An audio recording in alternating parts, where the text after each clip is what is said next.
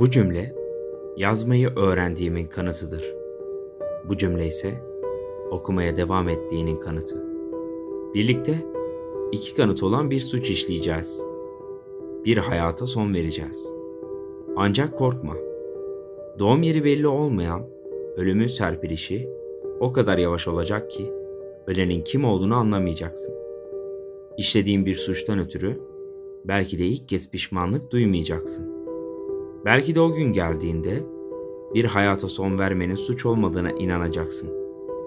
Ancak şimdi titrediğini biliyorum. Elindeki kağıdı tutmayı sürdürmekle yırtıp atmak arasında hangi hızla gidip geldiğini rüzgardan hissedebiliyorum.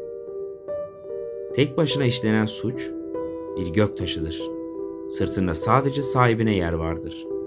Ancak suç var olan en güçlü tutkaldır. Suçun işlenmesinde payı olanların her biri birbirine yapışır. Her ne kadar birbirlerinden kaçmaya çalışsalar da suç çekimi onların ayrılmasını engeller.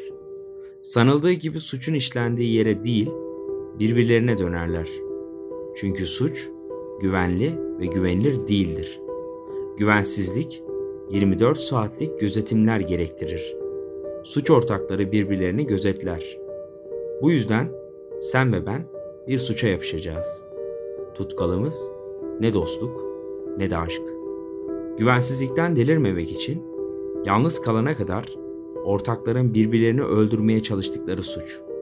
Kızdıran, acıtan, muhteşem suç. Bütün şah damarları maheden suç. Ancak bizim ortaklığımızda rahat bir uyku için birinin diğerini öldürmesine gerek yok. Çünkü işlenecek suç gerçekleştiğinde sayımız bire düşecek. Beni sadece fotoğraflardan tanıyorsun. Sadece nasıl göründüğümü, objektife nasıl baktığımı biliyorsun. Ama neler düşündüğümü ve neler hissettiğimi bilmene olanak yok. Beni anımsaman olanaksız. Resimli romanlara benzediğine emin olduğum rüyaların bile beni anımsamana yetmez. Çünkü kimsenin anımsanmadığı ve dönmediği bir yerdeyim. Bu yüzden kendini yorma. Nasıl olsa bu satırları okudukça kimin yazdığını unutacaksın. Sen mi, ben mi? Ne fark eder? Hiçbir şeyin fark etmediğini öğreneceksin. Sadece dartlı harfleri. Hepsi o kadar. Ne el yazısı, ne imza, ne de bir kimlik. Suç işlemek için hiçbirine gerek yok. Yok olacak bir varlığın varlığı yeterli. Gerisi ağaç, apartman, sokak. Hangi okullardan mezun olduğunu, hangi evlerde yattığını bilmiyorum. Bir mesleğin var mı? Kaç çocuk sana baba diyor? Aslında hiçbiriyle ilgilenmiyorum. Yine de nereye vardığını görmek, en çok kullandığın kelimeyi duymak, ağzındaki diş sayısını bilmek isterdim. Bir aynada ya da bir vitrinin camında ne gördüğünü bana anlatmanı isterdim. Ama hiçbirini öğrenemeyeceğim. Belki de sadece bu beni üzüyor. Kim olduğunu bilmemek. Ancak önemli değil. Çünkü kim olursan ol, bana dönüşeceksin. Bittiğin an başlayacağım. Sana yaratarak yok olmanın anlamını ezberleteceğim. Kendinle ve hayatınla vedalaş. Okuduklarını reddetmeye çalışsan bile belleğin sana ihanet edecektir. Gözlerinden girip zihninden çıkan her bilgi sahip olduklarından birini yok edecek. Benimle savaşma. Çünkü kazanırsan kaybedersin. Hiçbir şey anlamadığını biliyorum. Bir yanlışlık olduğunu düşündüğünü de biliyorum.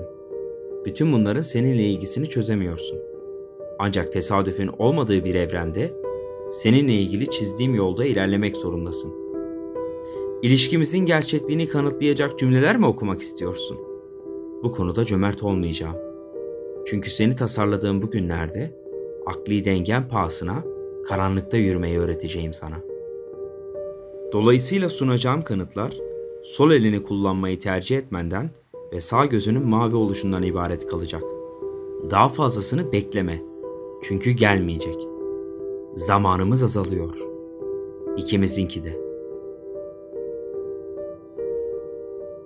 Mahkum olduğum şartları kolay sanma. Sürekli kaçıyor, gizleniyor ve yalan söylüyorum. Bunlar hayatta kalmamı sağlıyor. Ama her ne kadar hayatta kalmanın bedeli ölüm olsa da şimdilik bu kadarını ödeyebiliyorum. Sana nasıl ulaştığımı ve kim olduğumu bir gün öğreneceksin. O gün gelene kadar bunları düşünmemeye çalış. Sahip olduğun bütün fotoğrafları bulmak için eşyalarını alt üst etme. Sadece oku. Oku ve zamana bırak. Sayesinde var olduğumuz zamanın seni taşımasına izin ver. Unutma ki zaman, gidecek yeri olmayanların evidir.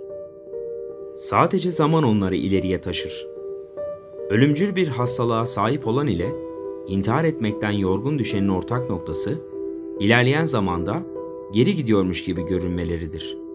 Ancak bu, ilerleyen bir trenin son vagonuna kadar yürümeye benzer. Sonrası yoktur. Beden sahibi olan ilerlemek zorundadır. Zamana güven. Yaşarken asla varamayacağın yerlere seni sadece o götürür. Oku ve zamana bırak. Oku ve zamana bırak cümlesinden sonra sadece boşluk vardı. Elindeki kağıdı dirseklerini dayadığı masaya bıraktı. Sırtını sandalyesine yasladı. Önünde bir deste kağıt. Üzerlerinde de harfler, kelimeler, cümleler yatıyordu. Ve boşluklar. Destenin yanında da bir zarf. Kağıtlar da, zarf da sararmıştı. Satın alındıkları tarihte renkleri mutlaka beyazdı. Ancak sonbahar her şeye ve her yere geliyordu. İlk gördüğü anda eksiksiz incelediğinden emin olsa da zarfı uzanıp eline aldı. Göz hizasına getirdi. Üzerinde sadece adı, soyadı ve içinde bulunduğu evin adresi yazıyordu. Bunlar da el yazısı değil, daktilo harflerinden ibaretti. Ne bir damga, ne bir pul. Yalnızca posta kutusunda bulunmuş bir mektuptu. Hiç dostu yoktu. Hiç düşmanı yoktu. Hayatının hiçbir döneminde mektup yazmamıştı ve kimseden yanıt beklemiyordu. Adresini ve kimliğini bilen hiçbir insan kendisine şaka yapacak kadar yakın değildi.